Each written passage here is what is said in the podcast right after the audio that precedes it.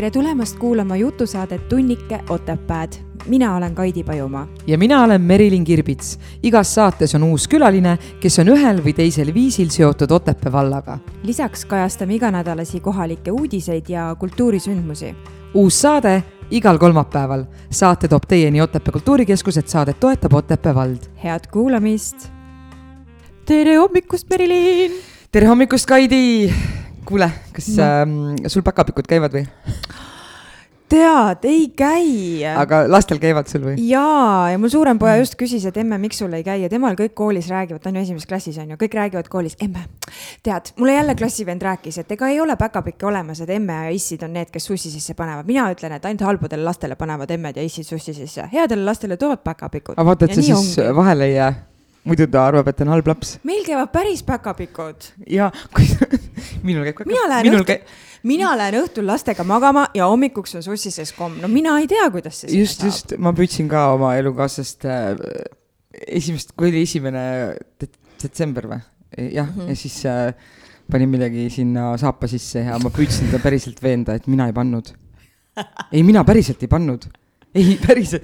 ja mul nii tore on vaadata, kuidas inimene on nagu ikkagi see see väike ele. ja, ja see väike, väike poiss tuleb sealt veel ja. välja ja, ja korraks sa näed silmades, et ta kahtleb mm, -hmm. ta ei tea ja aga minu poiss veel küsis selle peale emme, et aga kui headele lastele tulevad nagu päris back-up'ikud ja halbadele vanemad ja kui sinul üldse ei käi, mis laps sina siis oled ausalt öelda ma ei osanud sellele küsimusele vastata nagu koheselt, vaata ei ole vist nii loominguline inimene. ma saan aru, et jah, lastel ei ole filtrit, et see kõik, mis nad küsivad, et see võib äh, inimesi lihtsalt äh, ära ehmatada. isegi on... oma lapsed ehmatavad sind ära. ja nad on nii vahetud ja siirad, et nagu need küsimused tulevadki otse, otse. jumala nagu, ausad küsimused. otse südamest. paneb et... nagu mõtlema, onju. aga jaa, see päkapiku aeg on, on väga-väga kihvt, mulle nagu väga meeldib. mul on ka põnev mm -hmm. praegu, pole, mul pole aastaid päkapikk käinud. ei ole jah?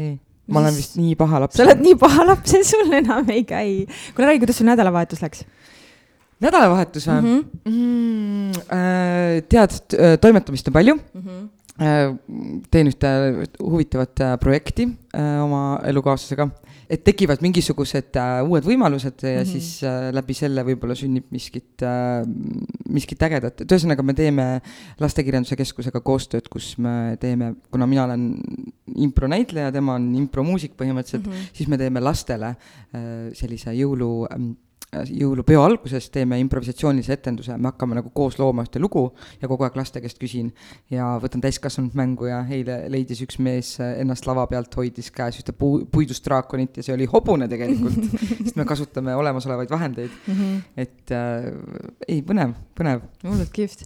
mina käisin eile ka Otepääl, muide mul üks äh, tuttav kolis Otepääle, sest ta ostis siia maja või põhimõtteliselt äh, hosteli ja tegime seal ühe väikse akrojämmi, nii et ma siinkohal äh, teen ah,. ma nägin pilti, jaa. jaa, et ma siinkohal teen äh, Otepää inimestele väikese üleskutse ka, et kes tahab täpsemalt teada, mis asi on akrojooga või võib-olla on kunagi kuulnud sellest ja tahab kätt proovida, siis äh, võtke minuga ühendust ja võib-olla saame juba järgmine kord koos jämmida. ma küsin korra, kas seal on väga oluline, palju sa kaalud või no võib-olla natukene, aga tegelikult üldiselt ei ole, et need baasid, kes meil, kes meil nii-öelda neid lendajaid lennutavad, on väga tugevad. aga kas painduma peab? Tead, paindumisega on selline lugu, et painduvus äh, tuleb ise ka selle tegevusega kaasa ja tegelikult ei ole väga palju vaja painduda, et pigem on seal ikkagi nagu tehnika ja tasakaal ja, ja see sõpruskond, kes meil seal on. et mina ei olnud poolteist kuud äh, akrotanud erinevatel äh, põhjustel ja, ja kui me saime nagu kokku eile, siis see oli lihtsalt nagu nii, nii mõnus, et esimene tund aega kuluski lihtsalt jutustamiseks, et kes mida teinud ja kus käinud ja, ja pärastpoole see jämm oli nagu nii lahe pärast käidi saunas veel ja hullult äge. nii et, et, et nii mehed kui naised, ükskõik mis vanuses, kui huvitab akrojooga, akrojooga on siis osa joogast ja akropaatikast, see on nagu partner akropaatika või partnerjooga, et see on jube äge asi. mina juuli alguses, juulis kuskil alustasin ja armusin täiega sellesse valdkonda, nii et äh, tulge ka. näha on, et me pole ka ammu näinud, et meil on vaja nagu omad jutud ka siin ära rääkida. ja, sest tegelikult me ei ole stuudios kahekesi ja, aga sa võid äh, väikese sissejuhatuse teha, kes meil täna külla on tulnud? jaa, väga-väga hea meelega. Äh, meie tänane külaline on enda kohta öelnud järgmiselt. olen tänulik, et mul on õnn viibida ühises ruumis inimestega, kes toetavad üksteist, motiveerivad, inspireerivad, aitavad kaasa, otsivad võimalusi, innustuvad ja vaimustuvad, sest koos on ju tore. tere tulemast saatesse, Anneli Uhvert. tere nii tore, kuidas sul äh, siia tulek äh, läks läbi selle külma ja lumise ilma? see oli väga ilus, see oli nii muinasjutuline oma koduvald ja see teeb südame nii soojaks, et ilm on tõeliselt ilus, küll karge, aga väga-väga ilus mm. -hmm. kas sul mingid toimingud jäid praegu pooleli ka või? Siia tule, tulemise jaoks? ei, otseselt ei jäänud ju, ma siis valmistasin siia tulekuks väga tore, võtsid meie jaoks ilusti selle tunnikese aega ega me ei teagi, kust otsast pihta hakata, et äh, meil on jälle sa sattunud saatesse tegelikult hunt Kriimsilm, kes ja. on äh, väga, väga paljusid toimetusi korraga ette võtab. aga ma alustaksin sellest, et kas sa ise oled äh, Pukast, ma saan aru, pärit ka, et sa võiksid natukene rääkida, et kus, kus nagu möödus sinu lapsepõlv? jah, et alustamegi kohe algusest, kes sa oled, kust sa tuled, millega sa tegeled, täiesti enda sõnadega. olen Anneli, nagu juba öeldud, ja tulen tõesti Pukast ja olen Pukast äh, ise seitsmendat põlve, minu lapsed siis kaheksandat põlve wow et äh, suguvõsa päritolu algab Kuigatsimaalt, aga, aga hilisemad äh, põlvkonnad juba siis äh, Puka mõisaaladelt ja mm. hiljem siis alevikus mm. -hmm kui see tekkis mm. -hmm. aga kus sina koolis käisid? Pukas. kas Pukas äh, on olnud, äh, praegu on mina käisin keskkoolis, keskkoolis. ehk gümnaasiumis mm -hmm.. okei okay., ja mis sa õppinud veel oled, et näiteks kui see keskkool läbi sai, kuhu sa siis rändasid? no kõigepealt ma ei saanudki tegelikult õppima, ma langesin välja kahe punktiga äh, pedagoogilisest koolist Aha. ja, ja läksin kohe tegelikult siis tööle Kuigatsi erikooli mm, -hmm. mis on mul südame, paneb põksuma siiamaani mm. -hmm. see oli väga lahe kogemus, üksteist aastat. mis aasta see oli, kui sa sinna läksid? Äh, ma läksin üheksakümnendal aastal ja üheksakümmend üks sain siis pedasse ikkagi sisse mm. -hmm. küll Tallinna pedasse mm, -hmm. mitte Tartu, aga, aga jaa, üheksakümnendal aastal läksin sellisesse kooli tööle ja, ja jäin sinna ikkagi pikkadeks aastateks nii kaua, kui otsustati see kool ära kaotada oota, kui vana sa olid, ma päris täpselt ei saa aru, millal sa sinna läksid siis? üheksateist. sa olid üheksateist, sa läksid Kuigatsi erikooli ja. tööle. aga kas sa võiksid rääkida, mida sa seal tegid ja minu küsimus on, miks sa sinna läksid?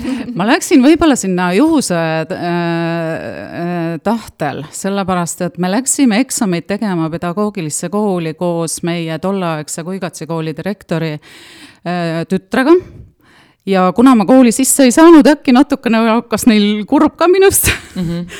ja, ja siis äh, Külli ema, Külli Sepp oli siis, äh, kes sai kooli, mina jäin välja ja tema ema kutsus mind sinna, kuna ma olin, mul oli olnud ka varasemast ajast lasteaias äh, väike töötamise kogemus, sellel ajal seda ei lubata ja me olime suvel kasvatajad ja, ja abi, tähendab siis mm -hmm. koristajad nii-öelda tol ajal, nüüd on hästi peened nimed leitud ja, ja tegelikult. puhastusteenindaja või? just. ja tegelikult kaheteistkümnendast eluaastast saadik ma värvisin lasteaias liivakaste ja mänguasju wow. sest mu ema oli majandusjuhataja seal kakskümmend viis aastat, nii et töökogemus algab mul küll kellegi teise tööraamatust, aga algab mul lasteaiast. et selline wow. nii-öelda äh, kaasamine, teiste inimeste kaasamine ja, ja. kogukondlik nii-öelda tunnetus on sul olnud juba väiksest peale, aga, või noorest peale, aga mm, enne kui ma tahaks veel teada tegelikult, et mis sa seal Kuigatsi koolis täpselt tegid, et äh, kas, kas see, kuhu sa praegu jõudnud oled või see, mida sa kõike teed, et kas see kuidagi on tulnud sinu perekonnast näiteks, kui sa, ema oli see ju, kes sind kaasas, või olid sa ise see, kes tahtis kaasa või, või kuidas? ei, ma olin see... ikka ise trükija ma ei saa öelda, et ema kaasas, aga lasteaias äh, ma olin küll selline, ema ei pannud mind kooligi kaheksa-aastaselt või tähendab, noh, seitsmeaastaselt mm, -hmm. nii nagu mind, et pani kaheksa-aastaselt.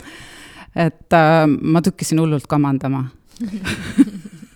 ja, ja siis ma juba juhendasin seal neid väiksemaid ja, ja mõnikord visati mind ka nii-öelda, et äh, mine nüüd natukene valva, et eks meil ole siin tegemist ka ah,. Okay. Mm -hmm. ja niimoodi ma sattusin, eks, eks sealt võib-olla see, võib-olla see tuligi ega ma ei oska nagu öelda, et mind otseselt oleks keegi suunanud äh, suhtlema kellegiga või, või midagi just parasjagu eest vedama, ma, ma ei saa seda öelda. kas sul on vendi-õdesid ka? ja mul oli õde, kahjuks teda ei ole.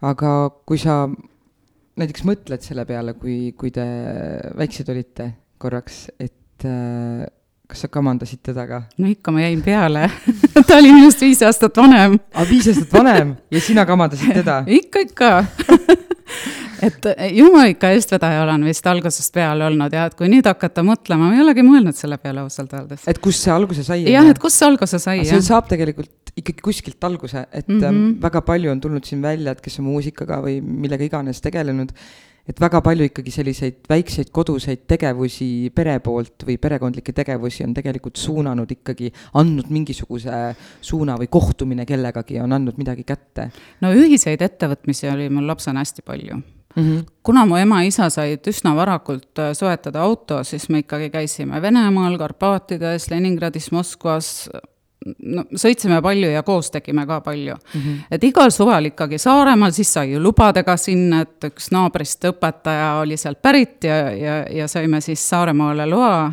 ja, ja kunagi hommikul siis äh, koputasid äh, piirivalvurid meile telgi ukse peale, et äh, ärgake nüüd üles, te olete täiesti vales kohas täiesti valel ajal kas te jõudsite pimedas kohale ja hommikul jaa, just ah.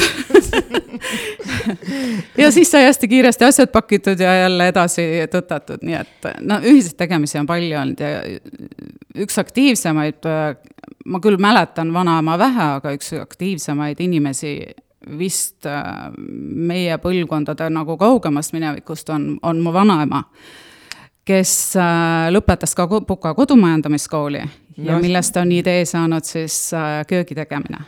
no sinna on see koer maetud, ma arvan, et aga räägime sellest, et millega sa siis tänasel hetkel tegeled?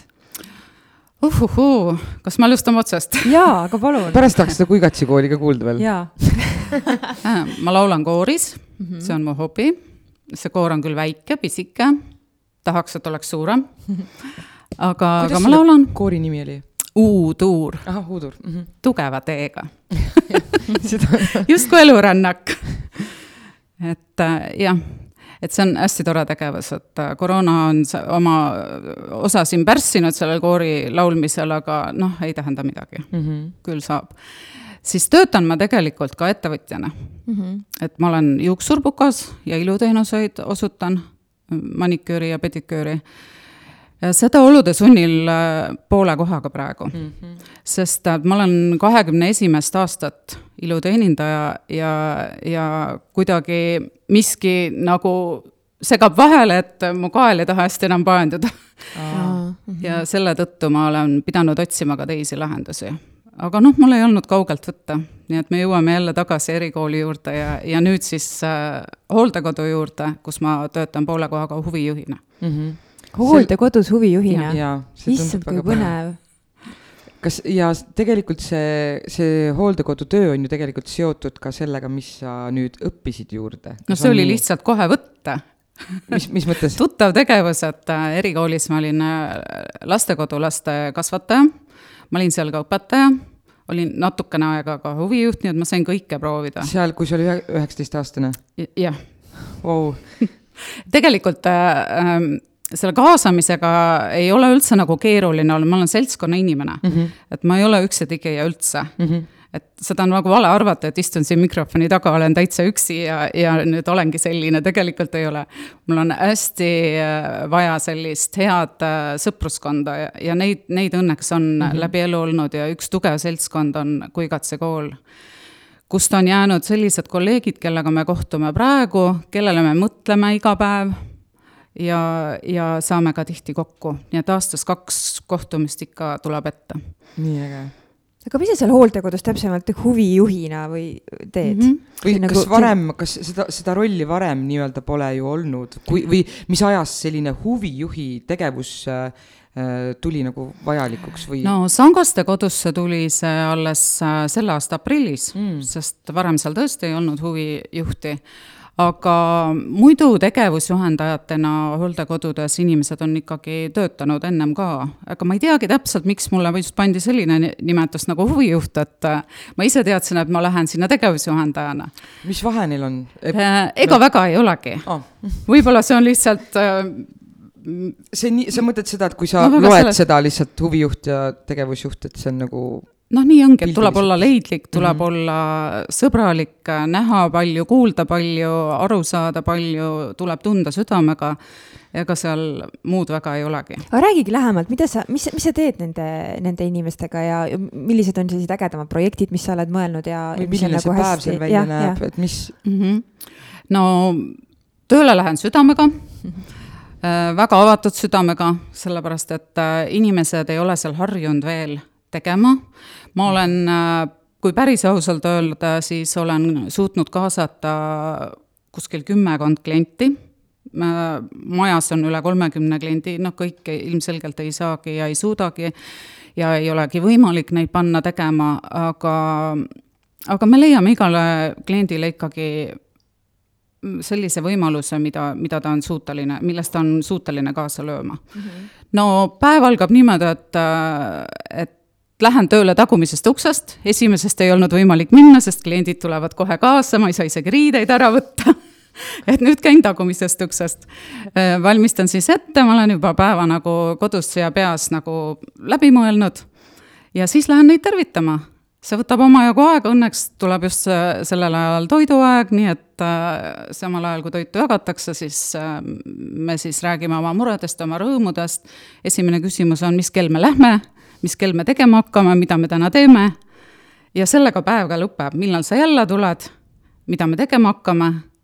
See on nii tore, et sa seda teed, sellepärast et ma ei tea, asi, millele mina nagu mõelnud olen, et see hooldekodus elamine kuidagi tundub kuidagi nii masendav, et äh, ma ei tea, võib-olla, noh, ma ütlen, minu mõlemad äh,, minu äh, vanavanemad on enam-vähem kõik lõpetanud nagu hooldekodus ja nad ei ole seal väga kaua aega nagu püsinud et, et ilmselt on nad ka sinna sattunud väga sellises järgus, kui minu vanemad enam ei ole saanud ise kodus hoolitsemisega hakkama nende eest. aga see kuidagi noh, täpselt see, mis sa ütlesid, et, et nad tulevad ja küsivad, et millal me hakkame ja millal me lähme, et, et olenemata sellest, mis vanuses sa oled või, või, või millises olekus su füüsiline keha on, sul on ikkagi see, see vaim veel nagu ärkvel -hmm. ja tahab tegutseda ja kui sul ongi inimene, kes tuleb ja teeb ja paneb sellel inimesel seal silma särama, et noh, see on, see on väga tänuväärne töö, Anneli, mis sa teed ja minu, minu arvates ka selles mõttes, et, et üldse selline mm, -hmm. et on võimalik sellist äh, rolli nagu teha seal hooldekodus, sellepärast mul on jäänud mulje, et tegelikult äh, inimressurssi on vähe äh,, inimestel on pikad vahetused äh,, ma olen aru mhm. saanud, et pigem on nagu ka rahalised mured sellega seoses, et, et, et ei jõuta nagu tegeleda rohkem kui sellise äh, hoolitsemisega et, et selle, see on natukene minu jaoks nagu väga positiivne üllatus praegu, mida ma kuulen. et ma olen ka hästi palju mõelnud selle peale, et milline see hooldekodu elu välja näeb ja just mõelnud selle tegevuse peale ja tegelikult sinu ülesanne, see tegevus on nagu tegevus, aga tegelikult kõige tähtsam ülesanne on see sotsiaalne suhtlus nendega, sest et hooldajatel ei ole aega sellega tegeleda, nendel on, nendel on oma töö teha.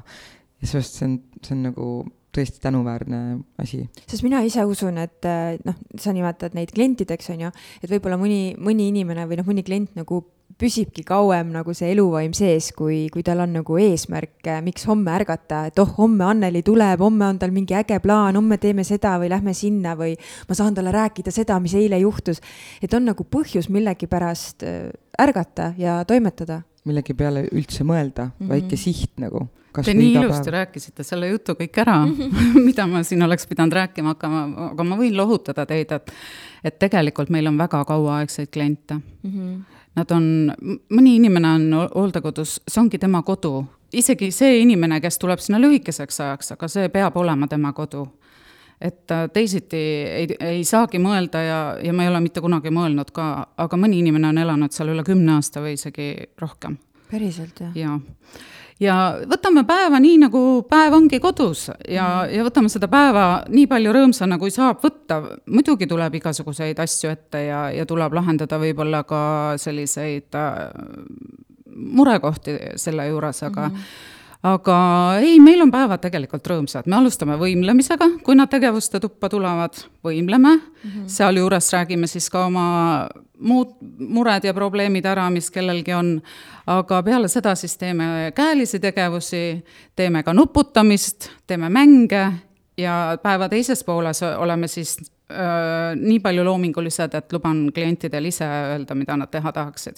ja seda me ka teeme mm. -hmm. et ähm, hommikupoole li lihtsalt nad on nagu sellised ärksamad ja teotahtelisemad ja, ja võib-olla siis on see käeline nagu lihtsam tulema, et õhtuks ikkagi silmad väsivad mm. -hmm ja, ja vaim ka kindlasti, et siis peab olema selline rõõmsam. teinekord joome ainult teed, sööme küpsist või kommi ja, ja räägime elust, näiteks viskame õhku mingisuguse kas või linna nime mm -hmm. või mingi maakoha nime või nende kodukohast mõne mõne sellise uudise, mis on parasjagu jäänud, eks me ikka teame, kust nad on pärit ja, ja kes nad on olnud ja mis tööd nad on teinud ja mm, -hmm. ja kõigest sellest räägimegi. nii nagu lihtsalt kodus äh, elatakse mm -hmm. ja räägitakse igapäevastest asjadest. et minul on nagu sellele hooldekodudele nii-öelda nagu pilk väljaspoolt sissepoole, sinul on jällegi pilk sissepoolt või seestpoolt väljapoole, et et kuidas sulle nagu tundub, et mm, minu enda vanemad on nagu öelnud, nad elavad äh, Tartu, Tartu külje all Nad on kuskil seitsmekümnendates praegu hästi-hästi tegusad väga,, väga-väga vitaalsed, hästi sellised nagu äh, väga, noh, ma ei ütleks üldse, et vanust juba nii palju oleks aga nemad on öelnud, et kui nad ühel hetkel enam ei saa aru, et siis äh, kindlasti hooldekodusse neid nagu viia. aga kuidas sina nagu äh, tunned, et, äh, et kas võiks nagu need vanemad inimesed ikkagi olla oma laste hooldada nii kaua kui võimalik ja alles siis nagu hooldekodusse või, või, või pigem ikkagi nagu kasutada seda hooldekoduteenust, et mulle kuidagi on nagu jäänud mulje, et, et kui sa sinna nagu lähed, siis noh, millegipärast inimene kuidagi vajub nagu kiiremini ära või kaob ära. mina tahaks veel samm edasi minna ma ei tahaks üldse, et inimesed niimoodi peavad hooldekodusse jõudma, et neid peab hooldama mm. -hmm. et äh, see võiks ka olla koht, kuhu nad tulevad äh, enamasti vabatahtlikult siiski ja tulevadki sellepärast, et koos on tore olla ja koos on tore teha, et üksinda inimestel ei ole just väga tore kuskil metsatukas äh, ja. aega veeta. ja seal tekivad ka igasugused muud probleemid, aga üksteist aidates on ju alati lihtsam ja kergem see elu, ütleme siis raskem pool üle elada, ilmselgelt tekivad probleemid mm -hmm. vanemas eas, aga, aga mulle meeldiks, kui meil oleks sellised um, päevakeskused või, või nii-öelda siis äh, niisugused keskused, kuhu inimesed, nagu Põhjamaades on, et mm -hmm. inimesed tulevadki sinna elama, ta saab selle ühe väikese toakese ja ta tuleb juba sinna vabatahtlikult, käibki juuksuris ja kasutab teenuseid äh,, osaleb tegevustes, et see oleks mu suurim südamesoov, kui riik sellega tegeleks ja mm., ja selline otsus võetakse vastu, et inimesed ei kardaks tulla hooldekodusse. aga kas sa tunned, et see kuvand, mis praegusel hetkel nagu Eesti ühiskonnas on, on hooldekodudest jäänud, et, et kas, kas see on nagu vale kuvand, et et noh, tahes-tahtmata ükskõik kellega ma räägin, kui öeldakse, et a la mu vanaema või vanaisa läks hooldekodusse või ma pidin oma ema viima hooldekodusse, et see on alati nagu, issand, päriselt, et asjad on nagu nii hullud või et kas see turundus või nii-öelda see marketingi pool nagu hooldekodudest või hooldekodudest hooldekodusüsteemist võiks olla siis kuidagi nagu läbipaistvam või nagu positiivsema kuvandiga, et inimestel mm -hmm. ei oleks nagu hirmu selle ees, et hooldekodu on mingi selline koht, kuhu, kuhu nagu nii-öelda viiaksegi oma vanavanemad või vanemad nii-öelda jalust ära surema, on ju. Mhm.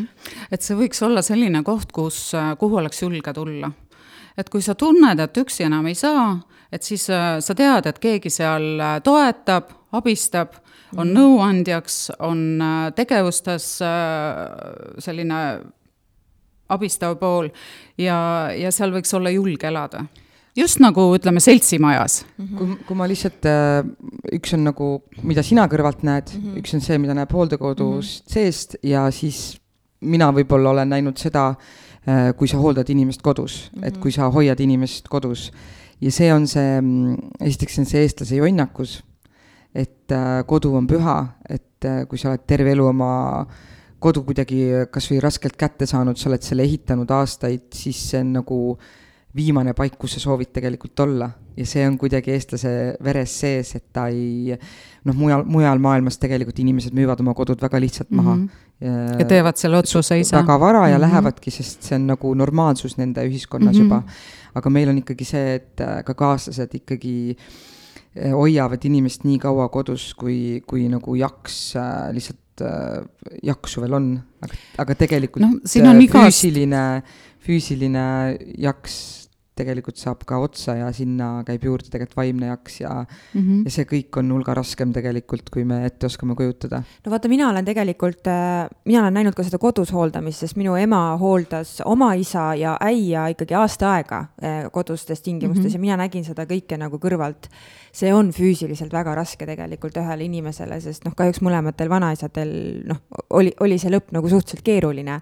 et sellepärast ongi võib-olla mul see, et, et nad ei tahtnud jumala eest nagu hooldekodusse minna ja, ja, ja noh, meie pere nii-öelda otsustaski, et, et ikkagi kodus nii kaua, kuni, kuni füüsiliselt ja vaimselt on nagu võimalik, et eestlased täpselt on noh, ma kasvõi noh, et ma lähen siit kodust jalad ees, ma ei mm -hmm. lähe kuhugi vabatahtlikult, aga no. ma mõtlen, et siin ongi see probleem võib-olla selles, et neid hooldekodusid et kas tegelikult on ka seal süsteemisiseselt ikkagi nagu mingisugune viga, et miks inimesed sinna minna ei taha või on siis seda ikkagi valesti reklaamitud?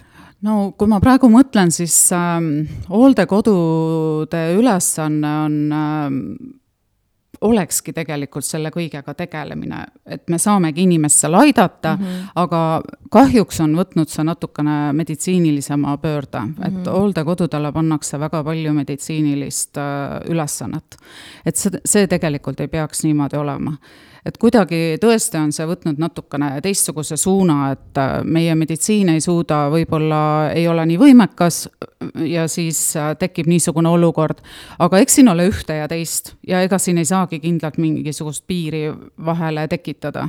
et äh, ma, ma ikkagi jään selle juurde, et see võiks ja peakski olema inimesele kodu asemel nii kodune, kui see üldse võimalik oleks.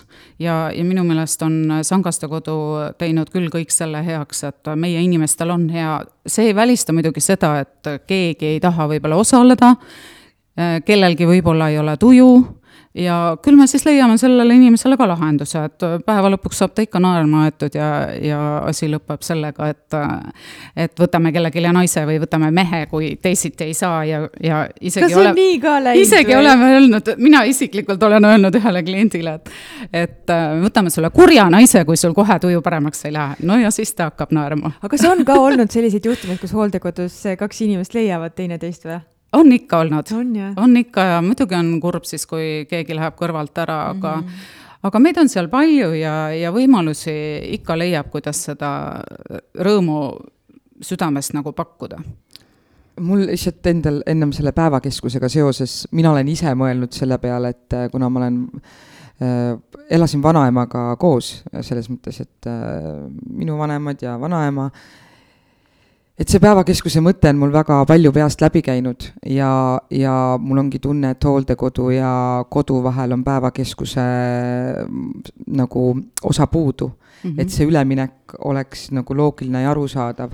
et äh, kui äh, eakas inimene jääb ikkagi kuskile kasvõi pere juurde koju ja ta ta ei, ta ei, ta ise ei liigu mm -hmm. ju võib-olla mingitele sündmustele välja, et tal ei ole nagu selles mõttes sellist kohta. Et äh, ma ise olen mõelnud, et, et ma oleksin tahtnud teha sellist kohta, kus et inimene, kes ei saa enda eest päeval nagu tegelikult hoolitseda, aga pere ei taha selles mõttes päris hooldekodusse panna mm, -hmm. aga pere peab tööl käima, sellepärast et kui sa võtad endale selle hooldaja koju, siis sa maksad kogu selle palga tegelikult ära sinna. noh, hooldekodus maksad ka, aga lihtsalt, et jaa. oleks hea keegi, kes aga et see, et ta, et ta, et ta näiteks ta on sul öösel nagu kodus, aga see, et sa saad võtta selle inimese, ta ei istu sul päev otsa toas Mm -hmm. ta ei vahi lage. et jäetakse talle see kogukonnatunne, eks just, ole. et ta võetakse, et ta viiakse päeval äh, päevakodusse mm, -hmm. temaga tegeldakse, ta saab süüa, tal vahetatakse kõik vajalikud asjad ja temaga tegeldakse mm, -hmm. temaga räägitakse, sest inimestel päriselt tihti lihtsalt ei ole seda aega, et teha. või näda, näiteks nädalavahe-. just, või siis nädalavahetusel kas või paari ööbimisega. või Ma... kui keegi läheb reisile, et, et see võiks olla selline aeg jah, kus saaks võimaldada ka perele nagu vabamat aega aega ja sellist hingetõmbeaega, et oleks jõudu edasi minna. see on nagu see eluring, on ju, et meie vanematena viime, hoolitseme oma laste eest ja siis viime mm -hmm. nad lasteaeda ja aitame nad kooli ja oma elu peale ja siis äh, ringi lõpus on siis, kus need lapsed siis saavad äh, hakkavad nii-öelda meie eest nagu -hmm. hoolitsema, et on siis nagu vanemate aed. just, ja absoluutselt sellepärast olekski hea niisugune tugivõrgustik ikkagi, et meil on see võimalus see inimene sinna päevakodusse viia.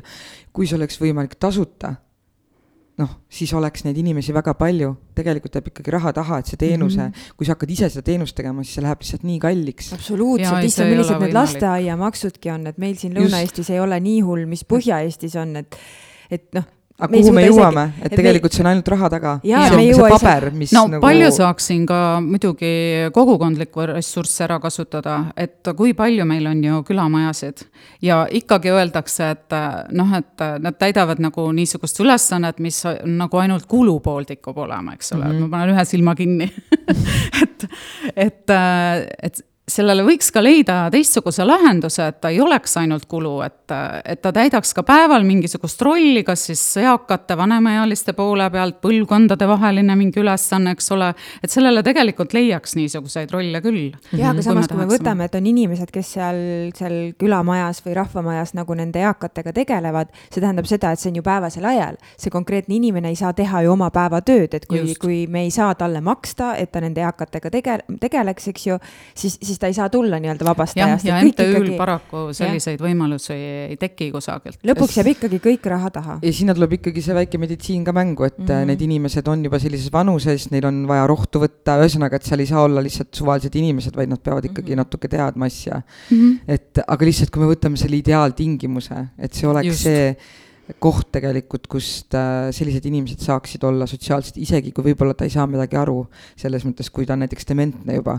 et äh, aga võib-olla ta näeb inimesi liikumas, eks ole, keegi räägib. ka nendel dementsetel on selgushetki. absoluutselt. ja need ja. on nii armsad. ma mõtlengi, et kui sa nagu kuuskümmend aastat käid igapäevaselt tööl ja maksad riigile makse, siis ometi võiks ju riik nagu võimaldada sulle nagu oma elu viimastel aastatel või aastakümnel nagu anda see tagasi, mida see inimene mm -hmm. on riigile andnud, eks ju et noh, see on noh, jah, jah, see on, see on selline diskussiooni küsimus. ja, aga raske. see on minu suur unistus ka, et see muutuks ja sellest mm -hmm. saada, äh, hakatakse mõtlema nagu teistmoodi, et, et äh, mitte iialgi ma ei taha kuulda, et äh, meditsiini poole pealt seal kiirabi ütleb, et kuulge, te helistasite pühapäeval siia meie EMO-sse, et kas teil tõesti ei ole mitte midagi muud teha, aga see on päriselt sündinud lugu päriselt, jah? päriselt nii ongi, et kui siin oli kriisiaeg, siis äh, juhtuski niimoodi, et, et on vaja inimesel abi, majas on koroona, keegi teda võtta ei taha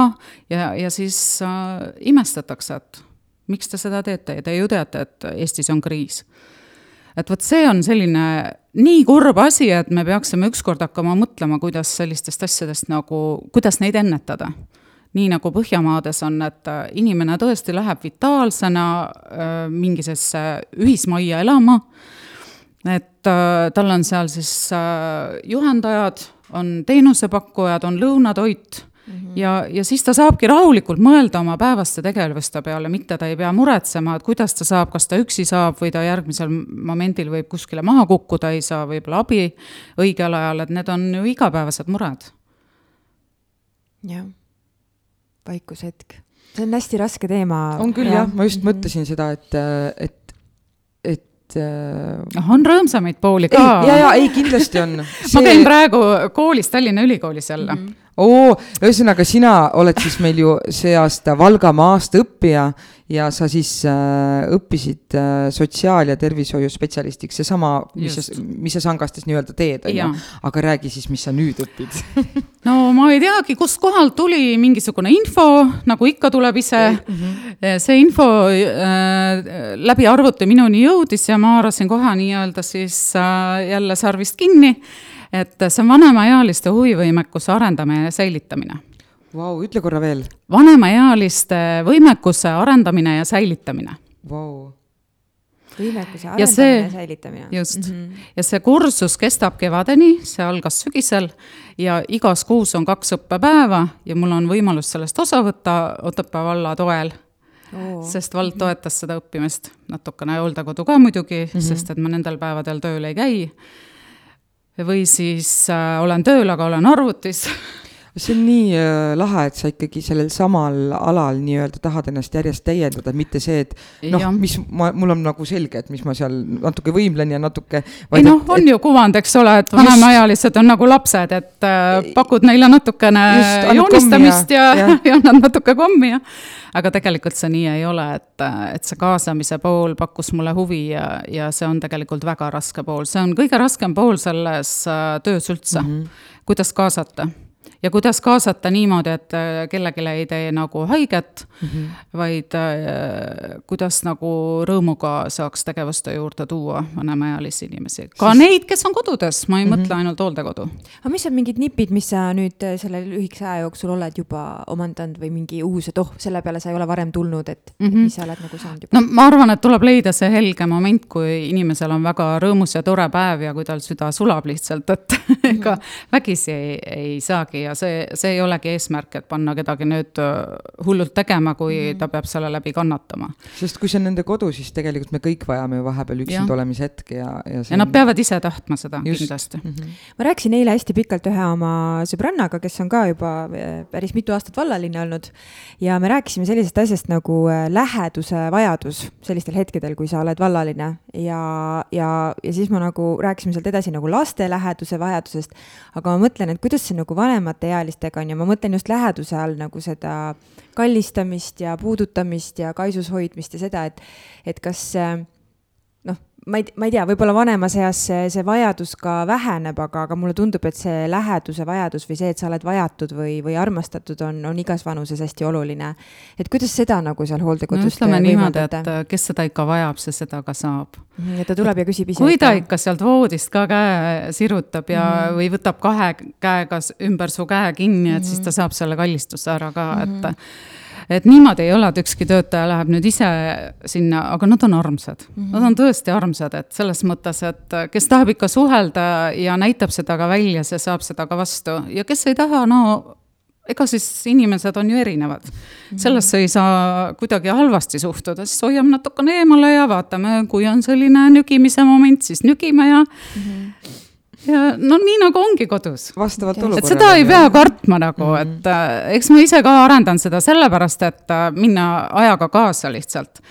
et äh, õppida tarkusi, meil on väga vahvad õppejõud, kes ise on äh, külade eestvedajad ma võin mm -hmm. siin ehk ära nimetada Tiina Tambaum Äksi külast. no Äksis tehakse ju täitsa äksi et on ju tehtud Metsa Kaubanduskeskus ja, ja noh, see innustab mm, -hmm. et peab olema selles ringi, ringis nagu sees, et, et sa oleksid innustunud kogu aeg, et sa ei vajuks ära ega siis, et iga päev võib olla nii päikest kui pilvi mm, -hmm. aga, aga kolleegide toel ja meil on hästi vahvad kolleegid mm, -hmm. väga targad kolleegid, kui ma koroona ajal siin pakuti võimalust, et olla hooldaja no Anneli ei suutnud seda vastu võtta, ma tõesti ei suutnud, sest ma tunnen, et mul ei ole teadmisi nii palju, kui neid vaja oleks, sest ma olin koristaja mm. -hmm. kõige lihtsam koristaja, vahetasin ka kümme korda päevas oma kostüümi, maskid, prillid ees ja, ja läksin peale puhkust kohe koroonakuldesse kas see on väga oluline osa on ikkagi see koristamine selle juures ka, et isegi kui sa arvad ise, et ah, see on mingi väike asi, siis tegelikult see on väga no ma, ma andsin endast parima mm, -hmm. ütleme nii, et, et hooldajana ma lihtsalt äh, aukartus äh, tõmbas tagasi, et nii, Anneli, nüüd on küll stopp, et mm -hmm. seda nagu ei saa, noh, ei saa tõesti, kui sa, kui sa näed, mida inimesed kõik meditsiinilises vallas nagu teavad ja oskavad, nad on aastaid seal töötanud, siis mina olen seda paraku väga vähe olnud ja kogemusi on lihtsalt nii vähe Mm -hmm. aga mm, kui liikuda nüüd edasi, siis äh, kuidas sündis äh, mittetulundusühing äh, Puka kogukond, et kust see on alguse saanud ja siis me jõuame selle Puka kogukonna köögi juurde ja nende toimetuste juurde. ma mõtlesin, kui sõitsin siia, mõtlesin, nagunii te seda küsite. muidugi, see on väga oluline. mõtlesin ka, et ju siis tegelikult aeg ja koht olid ikkagi õiged et äh, kes on need inimesed, kes seal äh, mittetulundusühingus on või kuidas see kogunes üldse? no need on jällegi kõik need inimesed, kes midagi tahavad teha ja kuskil mm -hmm. kaasa lüüa ja aidata, nii et et ma vist olen nagu mingisugune magnet, tõmban endale neid, kes ise lihtsalt tulevad mm, -hmm. et mhm. väga ei pea nagu kedagi suruma, et see on ju tegelikult koos tegemise juures kõige olulisem, et sa ei pea tegelema sellega, et sa sunnid inimesi, vaid sa, inimene peab ise tahtma teha seda. see on kõige tähtsam. ja, ja muidugi on olnud äh, keerulised ajad selles mõttes, et neli aastat me ju tegime niivõrd palju projekte, et üldse seda kööki luua ja, ja ega meie siis ei mõelnud, et me niimoodi seda teeme. me mõtlesime ka, et alustame lihtsalt mm, -hmm. noh, värvime ise seinad ära ja, ja teeme ja mul oli nii hea meel täna tegelikult siia tulla, sellepärast ma nägin, et ahaa, me alustasime ka nii et, et teie stuudio on armas ja, ja see tuletas meelde just seda aega, kui me hakkasime tegema, et äh, ega meil ei olnud ettekujutust, kuidas me teeme mm. -hmm. nullist eurost, null ettekujutusest aga niimoodi omavahel rääkides äh, hakkas kooruma, kes on maaler, kes on, kes oskab puutööd, kes mida oskab, ehitustöid keegi tundis veel mõnda ehitajat, kes meile annetas, neid ehitajaid on ka muide Otepäält, kes meile on annetanud nii mm -hmm. juksi, WC-potte nii et selle läbi hakkasime me korraldama oma esimest õpihuviringi ja teate, mis see oli? või oskate arvata köögis, mis on es esimene õpihuviring? nõude pesemine söögi tegemine me hakkasime krohvima ja pähteldama. ja see oli meie esimene siis selline õpiamps Mm -hmm. millega me köögi tegemist alustasime. täiesti õigest otsast, on ju, kõigepealt tuleb ju köök luua, kus mm -hmm. süüa hakata tegema. ja nii me tõesti alustasime ja saime tehtud. aga mis selle eesmärk on selles mõttes, et mik-, kui te hakkasite tegema, mõtlema üldse selle peale, et võiks sellise mm -hmm. asja teha, et mis oli see nagu tunne või vajadus, et äh, mis eks me olime ikka natukene enne ka proovinud hammustada ja, ja luua midagi, mida me nagu ise väga tahaks teha. ja eks me olime virisenud palju, koledal kombel ausalt öeldes tagantjärgi no ja siis kaua sa ikka virised, on ju kui midagi ei muutu, siis pead hakkama ise tegema ja nii me hakkasimegi mm. -hmm. ja, ja noh, leidus ka selline võib-olla siis äh, keerulisel ajal selline meid taga, ennast tagant tõukav äh, asjaolu, et, äh, et oli võimalus saada selles majas ruumis, kus me, ruumid, kus me praegu oleme. et võib-olla muidu oleks see läinud erakätesse mm. -hmm see on valla mingid ruumid on ju? jah, see oli kunagi sööklaruum mm., et tagasi juurte juurde, mu vanaema oli ka kokk koolis mm,. no näed, ma ütlen, kõik on seotud. jah, ja siis äh, ega me ei teadnud sedagi, mis MTÜ me teeme, sest et kui vallavanem küsis, no hästi, et kui ruumi nagu võtate, et aga mis te tegema hakkate seal? noh, see oli järgmine asi, mis pani kukla sügelema, mõtlesin, mis me siis tegema hakkame, noh, laulda seal kultuurimajas midagi veel saab seal teha, et me peame midagi sellist tegema, mida me siis nüüd ise tahame teha mm. -hmm eks seda ideed ei tulnud kaugelt kaevata, et äh, meil oli isegi abiks Valgamaa Arenguagentuurist Aet äh, Arula mm, -hmm. nüüdne piir. et äh, tema aitas meil seda nagu läbi rääkida, et mis see hea idee siis nagu on, mis on kandev ja mida võiks nagu siis teha.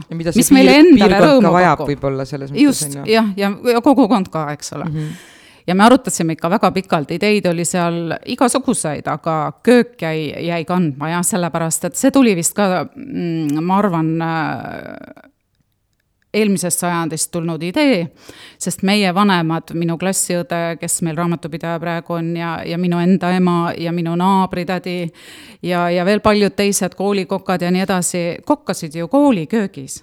ka tänapäeval seda ei ole lubatud teha. ei ole neid äh, kokatunde või selliseid?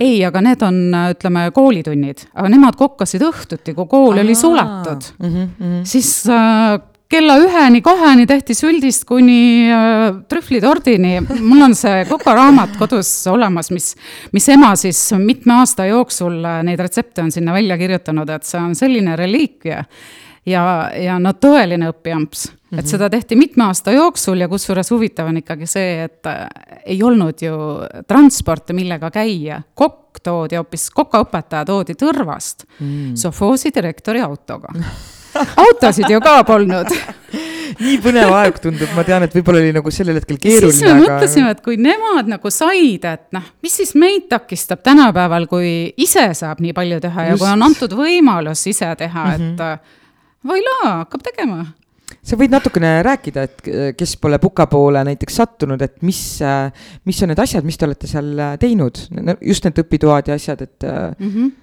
esialgu saime siis saja viiekümne ruuduse ruumi ja mõtlesime, et appi, mis me siin tegema hakkame, et võib-olla jagaks nurkadeks kuidagi või teeks erinevaid tegevusi.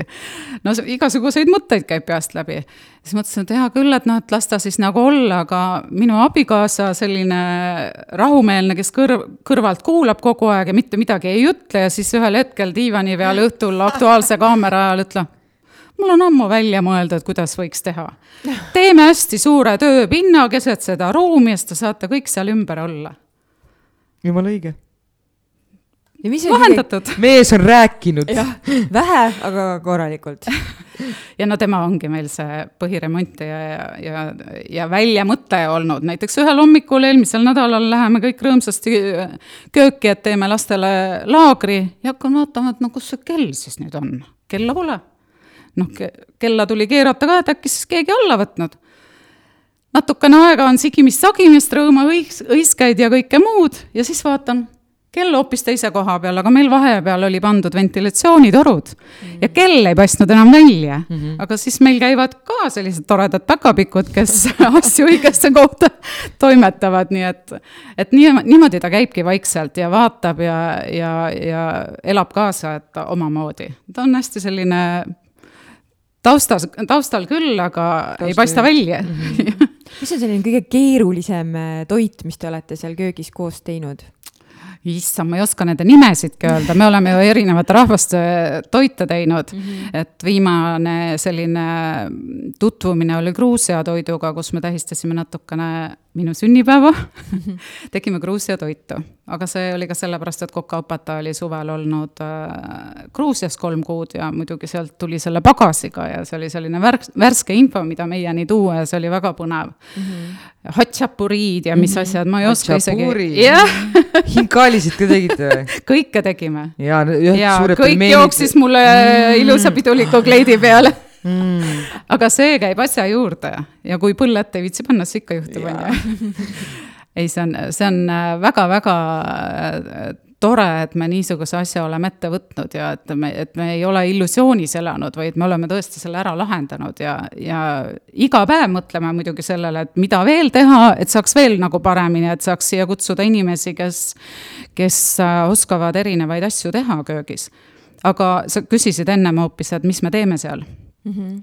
me teeme õpitubasid me teeme, tegelikult võiks öelda, et mida me üldse ei tee. me mm -hmm. teeme neid asju, mis meile rõõmu pakuvad, et on need siis nagu kultuuriüritused või on nad äh, kokkamised või päriselt sellised pikemad äh, kursused läbi Valgamaa kutsekooli on meil, Valgamaa kutsekool on meil hea koostööpartner ja, ja nendega me oleme saanud ju nii arvuteid õppida kui äh, pagariametit proovida, nii et äh, no kõike. Kas te kuidagi saate ka kohalikust kogukonnast nii-öelda seda tagasisidet või vajadust, et mida inimesed tahavad teha või jaa, et noh, inimesed kuidas tahtsid muidu just kastmekoolitust just, ennem jõule aga me ei saanud, me ei jõudnud selleni, sellepärast lihtsalt praegu on nii tihe aeg mm -hmm. ja kõik need, kes nagu avaldasid soovi, kaasa arvatud Valgamaa või Valga kultuurikeskuse juht Ülle Juht mm, -hmm. tahtis osaleda koolitusel ja lihtsalt ajakriis on praegu käes ja me oleme vältinud, et detsembris me ei, nagu ei tee midagi sellist mm -hmm. koolituse laadset, just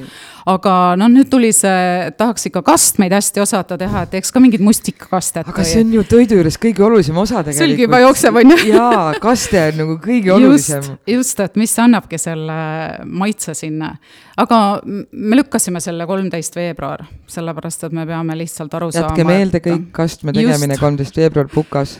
aga kui nüüd tõesti keegi kuuleb ja mõtleb, et issand, kui vahvad, ma olen ka kogu aeg mõelnud, et. kõik on oodatud et ma. mõtlengi, et kus nad teid leida võivad, et kas teil on Facebookis oma lehekülg või, või otse Jaa. sinuga kontakti meie võtta? imearmas Kärt Kuvasmäk tegeleb meie Facebooki lehega ja meie kuulutustega, nii et, nii et äh, Kärt paneb Facebookis on siis äh, Puka MTÜ Puka kogukond, mm. -hmm. Minu arust on see nii äh, ja alati võib meile ideid pakkuda, me ei mm -hmm. oota ainult seda, et Jaa. sealt vaadatakse või et mis me jälle üles mm -hmm. oleme pannud, mitu pilti Just, ja ja kes pildil on, eks ole. andke teada, mida te soovite Just. saada, mida te soovite teha ja siis koos saab ju selle ellu viia. Just. ju et seda me tegelikult, see on meie jõulusoov. mm. -hmm. see toimib küll ka, aga alati ootame mm. -hmm. erinevaid mõtteid ja asju, et äh, no lapsed on ka meil head genereerijad mm. -hmm. et äh, ja lastelaagreid me teeme, kui vaheaeg algab, et mm -hmm. siis Mhm. kohe reedel põmm koolist ära ja, ja kohe laagrisse mm. -hmm. nii et nad juba ütlesid, kuidas siis niimoodi on, et jõulud tulevad ja ongi kohe jõuluõhtu sel aastal ju nädalavahetusel, eks ole. kõik on nädalavahetusel nii kurb. kusjuures järgmine aasta keegi, ma just kuulsin mingit uudist või lugesin kuskilt, et järgmisel aastal on äh, punased päevad, enamus on kõik nädalavahetustel, et nii et kallis rahvas, annan teada, et me saame vähem puhata järgmine aasta. ootame kahe tuhande kahekümne teist aastat. aga nad on sel aastal ka on jõulud ju nädalavahetustel. jah, aga järgmisel aastal kuidagi jookseb kohe eriti, kõik, kõik on punased päevad nädalavahetustel no,. ärme mõtle no, nii kaugele, me ei tea, kas järgmine aasta tuleb üldse. No. ega sellest midagi halba pole ju. jaa, aga sa oled Sangaste hooldekodus, oled sa huvijuht, siis sa tegeled selle puka kogukonnaga või kogukonna köögiga, eks ju, siis sa õpid millega sa veel tegeled või mis on see, mis sinu süda eriti, südame eriti särama paneb või millised on sinu hobid, et räägime natuke sinust kui inimesest ka no mul on hobisid ikka olnud, aga äh, ma ütlen, et äh, keegi kõrgemalt poolt näeb, et liiga palju, siis võtab jälle midagi vähemaks, et ma tantsiks hea meelega rahvatantsu. süda tilkus verd, kui siin see pidu kui oli. kui üksteist oleks mees, ta võiks paaris tantsida. jaa, me võiks siis paaris tantsida aga ma kukkusin eelmisel aastal äh, Ai. pisut halvasti tõukeratamatkal, noh mm., entusiast nagu ma olen, mõtlesin, et ma olen Imre Arro, hüppan sama plastiliselt selle tõukeratta peal nagu tema. ma pean sinu juurde koolitusele tulema ju. jah, Aukrusse jah ja nüüd ma olen selle jalaga natuke vaeva näinud, aga see mm -hmm. läheb paremaks, nii et äh, no mine sa tea. ma saan aru siis sinu jutust, et sa käisid Valgamaa tantsupidu vaatamas. Äh, ma siin Otepääl seekord ei saanud Aa, käia, sest mm -hmm. ma olin hõivatud, aga ma olen vaadanud kõiki pilte ja ma olen vaadanud kõiki uudiseid selle kohta, et ma olen kursis ikkagi. ma ei, ma lihtsalt ei jõua igale poole, aga järgmisel aastal küll tahaks tulla, et äh, see. no see siis peab vist Valka minema, et vaatama, mis seal toimub et järgmine kord tuleb järgmise aga ma olen käinud tantsupidudel, nii et ma olen tantsinud rahvatantsu kümme aastat oma abikaasaga koos, nii et me oleme käinud Tallinnas tantsupidudel, me oleme no vot, siis ei ole Annelil probleemi. Annelil on tantsupartner olemas jah, ja tantsus ei ole väga palju juttu vaja ju. jah, jah, kusjuures küll. Seda sai ikka väga sisse räägitud veel kõige rohkem. Ära astu see vale jalg, sul parema jalaga tuleb alustada. mis sa oma jala siia paned okei okay,, nii et laulad, sulle meeldib tantsida, mis veel su hobid on? tõukerattamatk nagu päriselt või? ma käisin kunagi tõukekelgumatkal, see oli esimene. oi, ma läheks kord. kohe täna, kohe läheks, kui oleks raha ja oleks äh, Imre kohe võtta, et issand, see on nii lahe, et me oleme käinud räätsamatkal temaga Rabas, me oleme käinud siin ümber Pühajärve mitu tiiru ratastega, tõukeratastega tõukekelkudega, kõik oleme ära teinud. et selles mõttes me ei jäta tegemata mitte midagi, kui kellelgi tuleb mingi mõte, me võtame ja teeme selle ära, et ainukene, millest on natukene puudu, et ma pean praegu pühendama oma teisele tööle hooldekodus, sest ma olen seda alustanud, ma tahaksin seda teha väga hästi. ja seega läheb mul natukene ressurssi sinna rohkem, et aga mul on väga hea tiim, kes nagu hoiab seda koos mis ma tahtsin öelda, et ma ei jõua kirjutada nii palju projekte, kui ma tahaks mm. -hmm. Et äh, ma lõpetan selle kooli kevadeks ära ja, ja ma olen veidikene nüüd sellest puhanud, oma nelikümmend on neid juba kirjutatud ka umbes viie aasta jooksul. nii et äh, seda ei ole üldsegi vähe. ja viimane suur keeruline projekt oligi meil ventilatsioon, mis just PRIA vastu võttis, nii et, äh, et nüüd võib öelda, et mm -hmm et natuke rahu läbi. sellega. õhk käib läbi mis su järgmise viie aasta plaan on, kui sa mõtled, et mis on niisugune suuremad unistused, mida sa tahaksid järgmise viie aasta jooksul täita? sa küsisid kaks asja. nii. plaani ei ole. tahaks niimoodi, et äh, tekibki, et hommikul ärkad avatud südamega, võtad rõõmuga kõik hea ja, ja toreda vastu et me ei ole plaani teinud ja siin koroona ajal ei saa eriti seda ma teha. ma räägin sinu isiklikust plaanist. aga kui, kui ma saaks olla nii tubli ja, ja võtta ükskord kätte, et õppida näiteks inglise keelt Mm -hmm. ma just tahtsin küsida, et kas sul on veel kuskil südames hoopis mingisugune Jaa. asi, mida sa tahaksid õppida, milleks sul pole aega olnud? keelt on väga vaja, ma -hmm. kasutan kõiki teisi abivahendeid kaasa arvatud et äh, ma ise kahjuks ei oska ja mu laps elab Austraalias, mhm. võib-olla, mine sa tea mm, -hmm. on seda keelt nagu rohkem vaja, kui, kui jah, ma ei ole maha müünud ennast ei Egiptuses ega Portugalis. Olen hakkama saanud isegi auto rentimise ja autoga sõitmisega seal. Wow.. aga no see oli hullumeelne ettevõtmine, ega sellises vanuses ma vist enam seda ei teeks ka. Viie naisega võtsime auto ja sõitsime mööda Portugali. Wow et.... ja keegi keelt ei osanud? ei, ja siis need kohalikud on nii sõbralikud, et ei, ei. aga see käibki kõik ju niimoodi. pasta, pitsa. see on Itaalia. aga ah, siis äh, selle autoga on seal lihtne sõita, sellepärast et kohalikud on nii sõbralikud, et nad lihtsalt mm -hmm. näitavad sulle, kui sa juba viiendat ringi ringteel sõidad, et mine, kus sa tahad keegi enam ei liigu ümber, nad saavad aru, et kusjuures mul on Tartus selle Ilmatsalu ringiga ka täpselt samamoodi, ma vahepeal teen seal viis ringi, sellepärast et seal Jah. on nagu kahe selle Ja siis sa jõuad ju tutvuda, on ju, sellega. ja kahe raja vahele on pandud need kivi, kivist äärekivid mm -hmm. ja seal on täiesti võimatu nagu ümber reastada, kui sa õiges ka, kohas jaa. ära ei reasta nagu. ma ei saa üldse Täiesti ringidest aru, ma esim-, kui see Lõunakeskuse ring esimest korda valmis sai, ma sõitsin diagonaalis läbi. ma ei jõudnud jälgida mitte ühtegi joont. Merilin Lõunakeskuse ring no ei ole veel seal valmis ei, see, kui ta esimest korda valmis. aa, mitte sa, ahah. aga tegelikult jaa, algab kõik ikkagi sellest, kui sa alustad millegiga, et ma räägin Kärdile, et äh, miks alati tehakse läbi kutsekooli inglise keele kursusi Valgas mm. -hmm. meil on olemas Pukad, Sirguline, Sangaste, no, no palju muid, Otepää, kõiki, kõiki kohti mm. -hmm et äh, vaja ikkagi nagu pukka ka tuua see keelekursus, äkki me siis alustaks. teised ütlevad, oi jumal, ole ettevaatlik oma soovidega, me peame siis ju õppima ka hakkama. sest tegelikult ma olen kindel, et neid inimesi on üsna Jaa. palju. Väga palju ja kindlasti. just äh, selliseid äh, keskealisi, kes tahaksid inglise keelt õppida. jah, egas me siis äh, ei lähe ju. tööturule selle keelega võib-olla, aga aga äh, võib-olla saada linnas hakkama või ma ei tea, lennujaamas või rongis. suudaksid infot äh, vastu Just. võtta, sest äh, päris palju infot on inglise see keeles. ka jaa ja, ja sest minu, tegelikult minu nii isa on näiteks ehe näide, kui ta neljakümnendates, neljakümnendate alguses läks Securitas Eesti turvafirmasse tööle, siis tal oli vaja inglise keel ära õppida, aga kuna ta on selle inimene, et vene keel on selge ja koolis õpiti saksa keelt, siis inglise keelt ei osanud. ja hakkaski ise, ostis endale sõnaraamatud ja ostis endale, mis seal tol hetkel mm. -hmm. issand, kolmkümmend aastat tagasi, mis siis, mis siis nagu saada oli, on ju üldse nagu nii-öelda internetist ja õppiski ja täna noh, räägib puhtalt inglise keelt. ma olen ka ostnud kaks väikest sõnaraamatut, et panen käekotti aga mitte midagi pähe ei lähe. mm,. aga tema oli jah, väga-väga püsivalt õppis ja ikkagi räägib ära.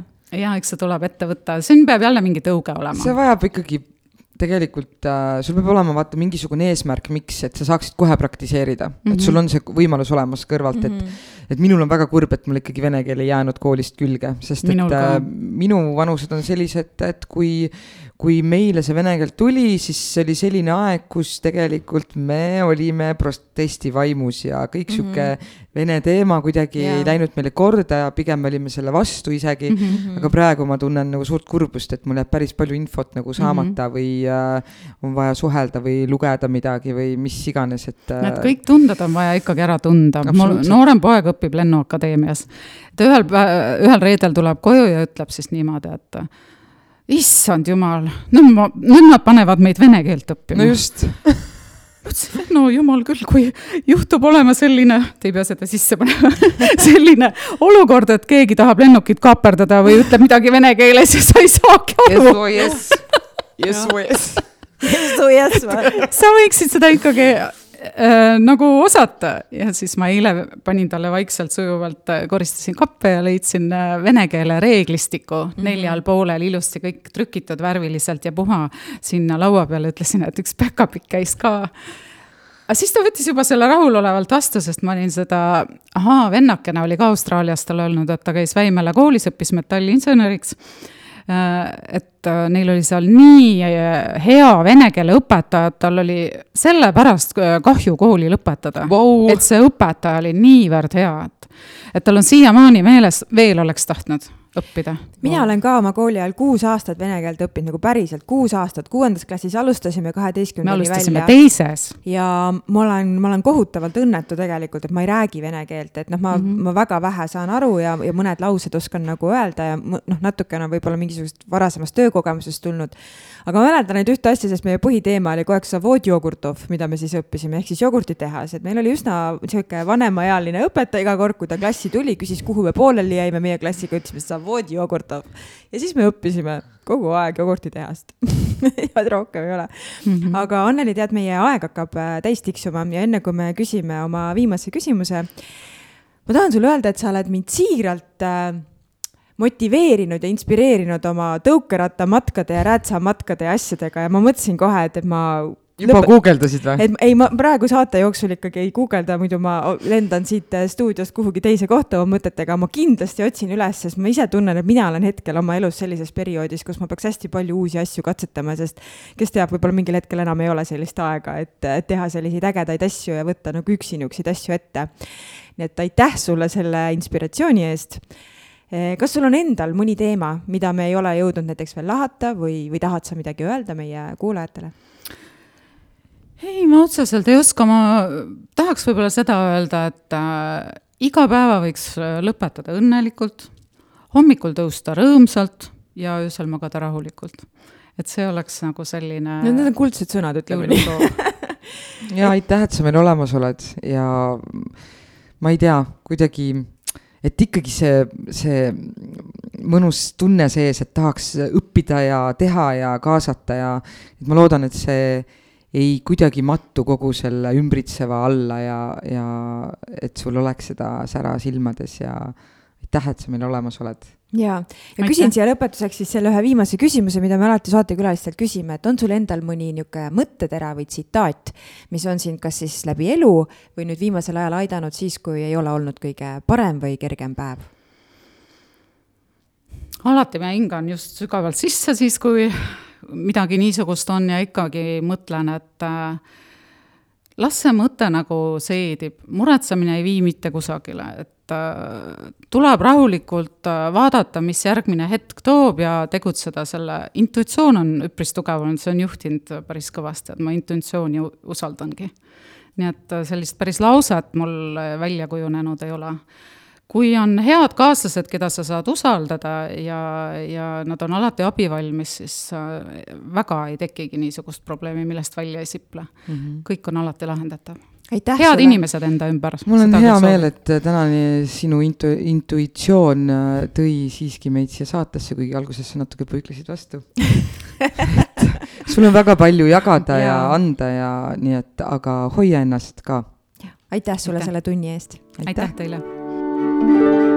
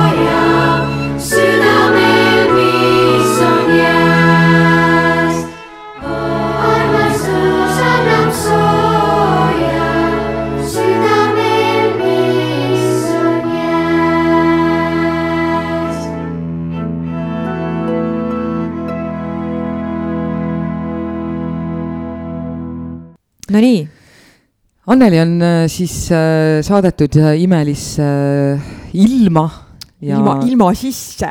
ja turvalist kodu teed talle sinna ilusasse tee peale, et äh, tähelepanu ei lähe sellele lumisele metsale, vaid ikka püsib tee peal, sest et see pukatee on ikka, kes pole sõitnud, siis see on ikka, see on ikka mõnus äh, rallimeeste tee ikka, see on nii käänuline, et Jah. tore vaadata, kuidas Tallinna inimesed lähevad sinna Kuutsemäele ja siis nii mõnigi leiab ennast tihtipeale väiksest hangest, sest et äh, nad pole harjunud sellega mm. -hmm. aga see oli praegu sul väga õige tähelepanek, et, et pilk püsiks teel, mitte nagu nendel imelistel vaadetel, mis praegu on, et väljas on nagu tõsiselt külm, aga, aga pea nagu... auto kinni ja mine kõnni metsas, et äh, või lihtsalt peate auto kinni, lihtsalt äh, nagu hinga endasse seda, seda ägedat, ägedat vaadet, mis praegu on, sest noh, ei tea, võib-olla jõulud tulevad mustad, on ju.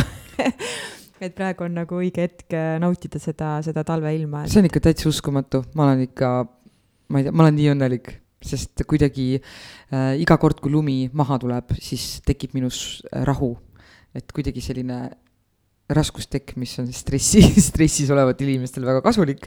et mul on tunne, et lumi on nagu sihuke raskustekk ja Kuidagi- mis jaa, kogu kogu kõikidele inimestele peale langeb ja mm. -hmm. ja paneb sind natukene nagu puhkama nii-öelda mm. et noh, eks seal ole muidugi sellised oma miinuspooled ka, eks ju, see au- auto kraapimine ja laste riietamine ja füüsiline edasi. trenn nagu, sa teed midagi ära enda heaks nagu., aga samas, kui mul on valida, et kas ma ärkan hommikul üles, istun autosse sellise ilmaga, eks ju, kui päike paistab ja kõik kohad on lumised ja kõik see niisugune kargus ja, ja niisugune kuidagi helgus on hinges või oleks see must maa ja sajab mingit jama kogu aeg sealt taevast alla ja kõik on niisugune pime ja trööstitu, et, et praegune hetk on igastahes igatepidi ilusam, et eile Akra inimestega ka tegime Akrot ja vahepeal vaatasime aknast välja, mõtlesime, et issand, kui ilus ilm. no Kas on ilus ilm. lumeakrot ka tegema lähete lume sisse või? see esimene pehme lumi, mõtle, kui hea oleks sinna kukkuda. kusjuures ma olen näinud videosid küll, kus, kus need kõvad äh, tegijad, agrotajad on teinud videosid, väga lahedaid videosid, kus ongi matt maas ja, ja tead isegi ongi paks lumi on maas ja, Jah. ja siis see baas seal maas on paljaste jalgadega, tead hullult valus on vaadata, aga väga efektne on olnud, et mul on sinna pikk tee veel,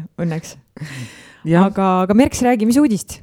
Mm, enne kui ma uudiseid räägin, ma Mhm. tahtsin ainult ühte asja Nii. öelda, enne äh, kui lihtsalt Annelit ma ei tahtnud segada, et minu arust äh, kuidagi kogukonna köök, sõna köök kasutada kogukonna juures või perekonna juures äh, on kuidagi nii õige, sest öeldakse, et köök on äh, kodu süda. et, et sa teed seal küll süüa ja, ja, ja see toidukord päevas võiks olla ka see hetk või kord, kui pere tuleb tegelikult laua taha kokku, et seda juhtub mõnedes peredes järjest harvemini.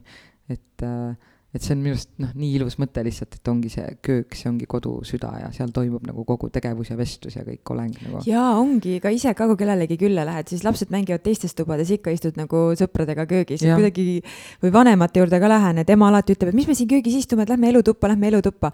aga iga kord, kui me sealt köögilaua tagant nagu ära kolime sinna elutuppa, siis kuidagi see vibe nagu muutub, et et see köök on kuidagi see koht, kus sa istudki laua taga ja kuidagi sellised sügavad ja tõsised või filosoofilised jutuajamised leiavad sealt aset või kõige suuremad murede kurtmised või rõõmude jagamised, et sellepärast äh, mulle meeldib, kui kodul on suur köök, ja, ja. kus on laud, kuhu mahuvad kõik inimesed taha. et ma olen näinud suurt, suur, suurtel peredel on ka see, et kõik ei mahugi korraga laua taha sööma.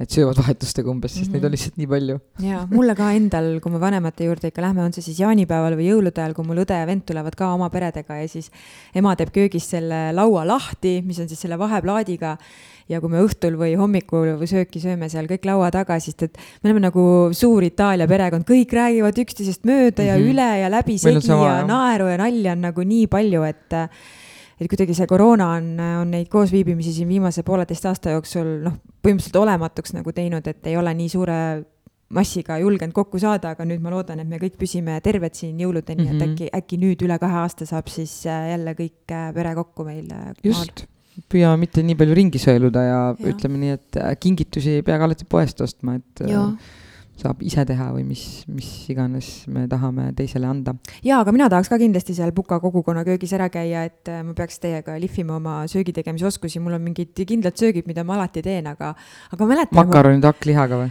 jah, või siis kartulipuder või siis pasta või mingid tüüpilised asjad kogu aeg, et mulle väga meeldis, kuidas sa ütlesid eelmises saates, et Agu on loominguline inimene, sellepärast et ta oskab süüa teha või talle meeldib teha, et ma ei olnud kunagi sellist paralleeli nagu enda peas leidnud, et et loomingulised inimesed on need, kes ilmselt oskavad väga hästi süüa teha ja siis ma mõtlesin, et, et mina nagu ei oska või mulle ei, väga ei meeldi ka et, et huvitav, kas ma siis tegelikult ei olegi loominguline inimene ma tegelikult mõtlesin selle loomingu all Ago mõttes seda, et see, et ta mingi spordivõistluse juures mõtleb äh, sisule mm -hmm. ja Kapsastele. sellele visuaalsele küljele mm, -hmm. et kogu see, et igal hetkel äh, ta mõtleb nagu no see on puhas looming minu arust, mis ta teeb, aga sinna lihtsalt kuulub see juurde, et noh, et ta teeb süüa ka nagu, ma ei tea, kas ta teeb loominguliselt võib-olla ta teeb korrektselt. aga väga lahe oleks midagi uut jälle õppida, midagi, mida panna nii-öelda enda sellesse varamusse, et. kindlasti te... oleks hea teha mingit toitu, mida sa pole kunagi teinud, sest et ja. esimest korda tuleb see ju hästi välja mm. -hmm, tavaliselt on küll nii aga jaa, maru, maru äge, et, et kunagi, ma ei tea, issand, see on vist kaksteist aastat tagasi vist sai kunagi äh, oma töökollektiiviga käidud pasta tegemise õpitoas. ja see on üks ägedamaid ja helgemaid mälestusi mul üldse nagu, kus me sõitsimegi Tartust Tallinnasse. no meil oli oma buss tellitud, muidugi oli selle kõrval ka selline väike pokaal veini, aga noh, pastat teha algusest peale ikkagi teha ise see tainas ja läbi selle masina ja.... tule mulle külla, mul on pastamasin. no ma ootan ammu juba kutset, no ma ei tea, noh. naissõnast, naissõnast. ja härga sarvest mis sa räägid siin? ma mõtlesin meeste, meeste puhul on härg sarvest ja mis sa ütled, naissõnast ja tiigrit sabast või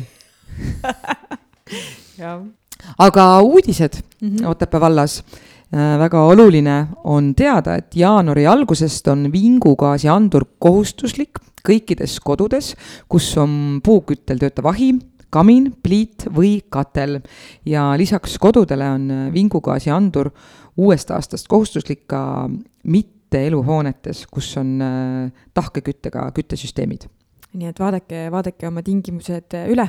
ja vaadake ka oma vanemate ja vanavanemate kodud üle, et kindlasti oleks see vinguandur olemas ja mitte lihtsalt sellepärast, et see peab olema, vaid et äh, see võib päästa elusid. täpselt, sest vingugaas on lõhnatu, värvitu, nii et on väga-väga ohtlik tegelikult esmaspäeval, kahekümne üheksandal novembril toimus Otepää vallavolikogu uue koosseisu esimene istung. vallavolikogu esimeheks valiti senine esimees Rein Pullerits ja aseesimeheks Peeter Kangur. vallavolikogu seitseteistkümnest liikmest oli kohal kuusteist. kohapeal moodustati kaks fraktsiooni, Isamaa Eesti kakssada Sinu Otepää ja Eesti Konservatiivne Rahvaerakond. rohkem infot, kes soovib selle kohta lugeda, siis Otepää valla kodulehelt otepaa.ee on kõik äh, info olemas. Otepää on talviseks hooajaks valmis, lumemöldrid on pikalt töötanud ning meile lund tootnud.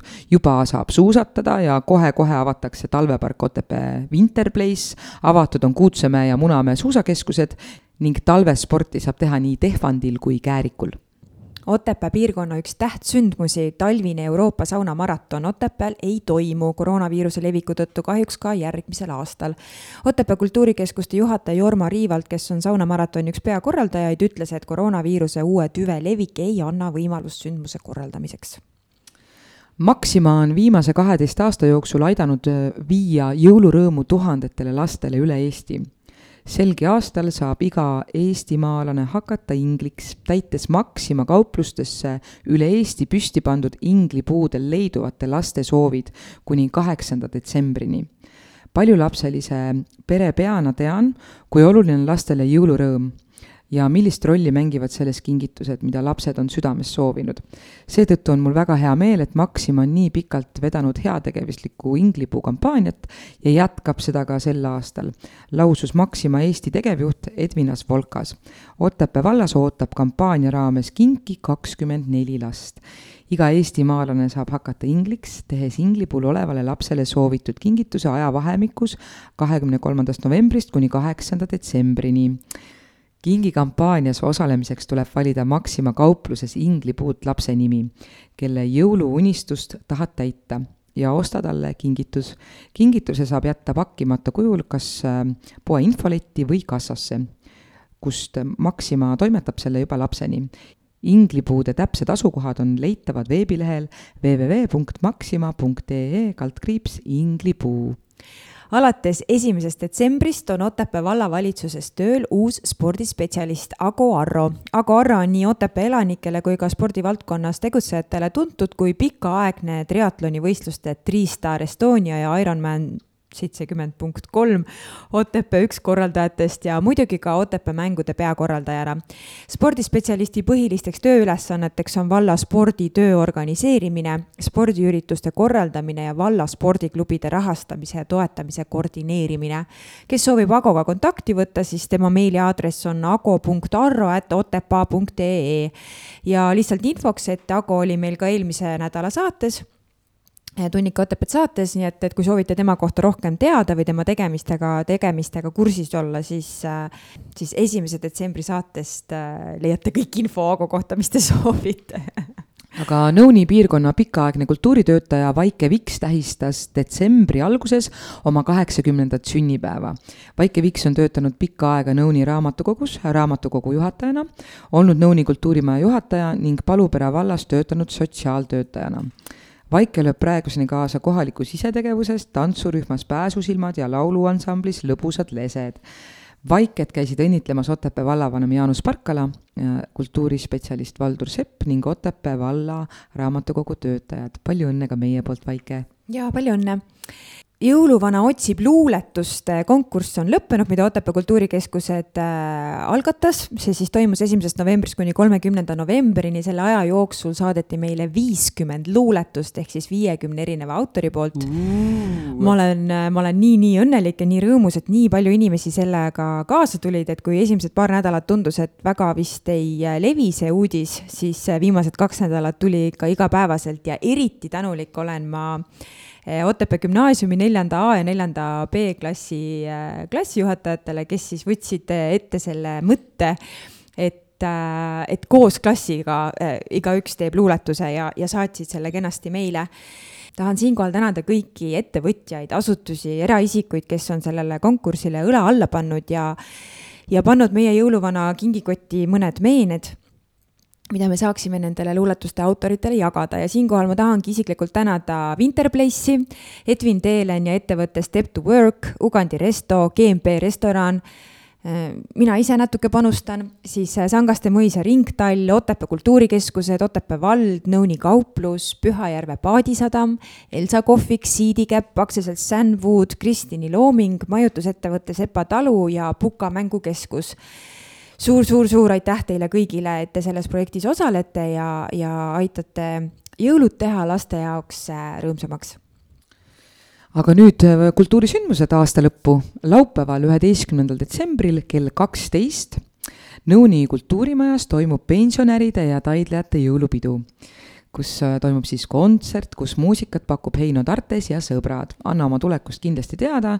Marikale viis kolm neli kuus viis kuus neli kaheksa ja laupäeval, üheteistkümnenda detsembri õhtul kell seitse toimub Sangaste kultuurimajas tantsuõhtu koos ansambliga Vana Kallim. avatud on ka kohvik. lisainfo äh, kultuurimaja kultuurikorraldajad Marina Pulverilt telefonil viis kolm null null kaheksa kaks kaks kuus pühapäeval, kaheteistkümnendal detsembril kell üheksa oodatakse vanemaealisi prillidoosi hommikule Puka kogukonna kööki. kes soovib rohkem infot, saab seda Facebooki lehelt MTÜ Puka kogukond. ja nii Anneli oli meil just saates, kes siis seda asja sealt ka eest veab ja tema ütles, et et seal on üks inimene, kes siis räägib näitab Pukast vanu pilte ja räägib kogu sellest Puka ajaloost ja ka inimesed ise võtavad vanu pilte kaasa, nii et kindlasti saab olema selline mõnusalt nostalgiline hommikupoolik. ja pakutakse kuuma jooki ja mingeid suupisteid ka, nii et äh, soovitame meiegi sellest kindlasti osa võtta aga pühapäeval, kaheteistkümnendal detsembril kell kaksteist toimub äh, Nõuni kultuurimajas laste jõulupidu. lõbusat tegemist nii pisematele kui ka suurematele. külla tuleb jõuluvana. kes soovib lisainfot, siis Marika Viksi telefoninumber on viis kolm neli kuus viis kuus neli kaheksa pühapäeval, kaheteistkümnendal detsembril, siis kell kolm, kes veel jaksab, toimub Pidrike külamajas äh, Otepää valla mängud Noolevise ja kiirusetest. huvitav, me ei tea, mis see, mis see küll endast kujutab, aga Ago, kes meil siin saates käis, tema kindlasti oskab teile öelda. ja lisainfot saab siis Otepää valla kodulehelt otepaa.ee või siis Agolt viis kolm null üks neli kuus üks üheksa. ja eesoleval nädalavahetusel ehk siis äh, kümnendast kuni kaheteistkümnenda detsembrini toimub kahevõistluse maailmakarikasarja etapp Otepääl. samal nädalavahetusel toimub Tehvandi suusahüppemäel ka kahevõistluse naiste maailmakarika etapp Otepääl, nii et äh, rohkem infot mõlema võistluse kohta leiate ka Otepää kodulehelt otepaa.ee ja kes veel jaksab, siis pühapäeval, kaheteistkümnendal detsembril kell kuusteist null null toimub Otepää kultuurimajas kolmas advendikontsert. esinevad Pühajärve Rõngu puhkpilliorkester ning Otepää Tõrva muusikakooli puhkpilliorkester.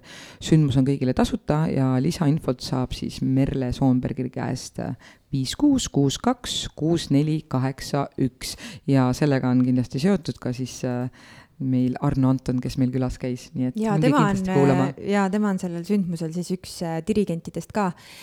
ja muidugi see ei ole nüüd küll saabuval nädalavahetusel, aga järgmisel nädalavahetusel ehk siis üheksateistkümnendal detsembril on äh, Otepääl suur-suur pidu, ehk siis toimub talvepealinna pidustused, Otepää saab kahekümne viiendat korda talvepealinna tiitli ja sellega seoses on meil siis alates kella kolmest viisteist null null avame talveturu, seal on jõuluvanade programm, toimub Ivo Linna ja Anti Kammiste kontsert ja, ja palju-palju muud ja põnevat veelgi, nii et äh, kindlasti seadke sammud äh, üheksateistkümnendal detsembril Otepää keskväljakule, et veeta selline mõnus olemine vahetult enne jõule astronoomilise talve algus on kahekümne esimesel detsembril kell seitseteist viiskümmend üheksa. talvepealinn Otepää võtab talve vastu täpselt kell seitseteist viiskümmend üheksa ja Otepää puhkpilliansambli kontserdisaatel toimub kaunis ja talvine vaatemäng ja Päästeameti hoone torni kerkib lehvima talve pealinna lipp.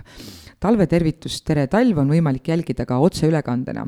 täpsem info tuleb peagi, talvetervituse korraldab Otepää Kultuurikeskus, et kas ma tohin küsida, kus see, sina, Kaidi, äkki tead, kus see puhkpilliansambli kontsert, kontsert on, kas see ongi siinsamas Päästeameti õues nii-öelda ikkagi? ei, see ongi siinsamas Otepää keskväljakul ikka no.. Mm -hmm. et äh, mõtlesime, et, et kuna talve pealinn on ikkagi Otepää ja talv algab, et, et siis on selline väike niisugune, see on hästi-hästi lühikene sündmus, selline sutsakas korraks sel hetkel, kui tõsiselt või kui, kui see õige talv nii-öelda algab, et kuulame natuke muusikat, vaatame, kuidas lipp lehvib, võib-olla on mingi väike vigur, vigur, vigur, vigur veel lisaks, aga, aga seda on siis võimalik koha pealt tulla vaatama või siis Facebookis vaadata otseülekannet see on lihtsalt äh, tore, et, äh, et talvealgus on sellisel kellaajal, et inimesed äh, on ärkvel mm. -hmm. et vahest on see talvealgus hommikul kell pool kuus või mis iganes mm, -hmm. et siis, siis on ka igasuguseid sündmusi tehtud, aga päris Jaa. keeruline nii vara üles saada. on, on ja kusjuures sellega oli ka selline huvitav, et osad kalendrid andsid, et see talve algus on viisteist viiskümmend üheksa, osad andsid seitseteist viiskümmend üheksa, et meil läks tegelikult päris tükk aega, et leida, et milline, kumb see kellaaeg õige on.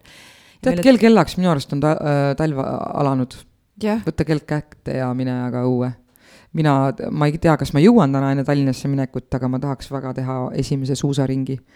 et ma sain eelmine aasta sellise maitse suhu üle, üle aastate tegelikult niisuguse korraliku äh, tunde ja mm, see on ikka mõnus ja see on, mm, tekitab sõltuvust ja mis on, mis omakorda leevendab siis stressi. jaa, kuule, Merks, aga me võiksimegi teha, teinekord, kui sul rohkem aega on, anna mulle märku, ma võtan ka oma suusad kaasa ja lähme teeme saadet ära ja lähme koos suusatama. tegelikult võiks saate suusatamise ajal teha, see kindlasti kõlaks väga hästi ja siis, ühesõnaga uudised, uudised. uudistega on nii, et uudiseid ei ole ei, aga kuulge, nalja peab saama, kui ise nalja ei tee, siis, aga igal juhul minge välja, kasutage seda võimalust, et äh, hingata värsket õhku, sest nii ilus on lihtsalt. et äh, aitäh, et te meid ikkagi kuulate, nii, nii tore on kõik need mõtted ja tunded, mis te meile tagasi peegeldate ja kohtume siis juba järgmine kolmapäev uute mõtete, uudiste ja uue külalisega. aitäh teile, tšau. tšau.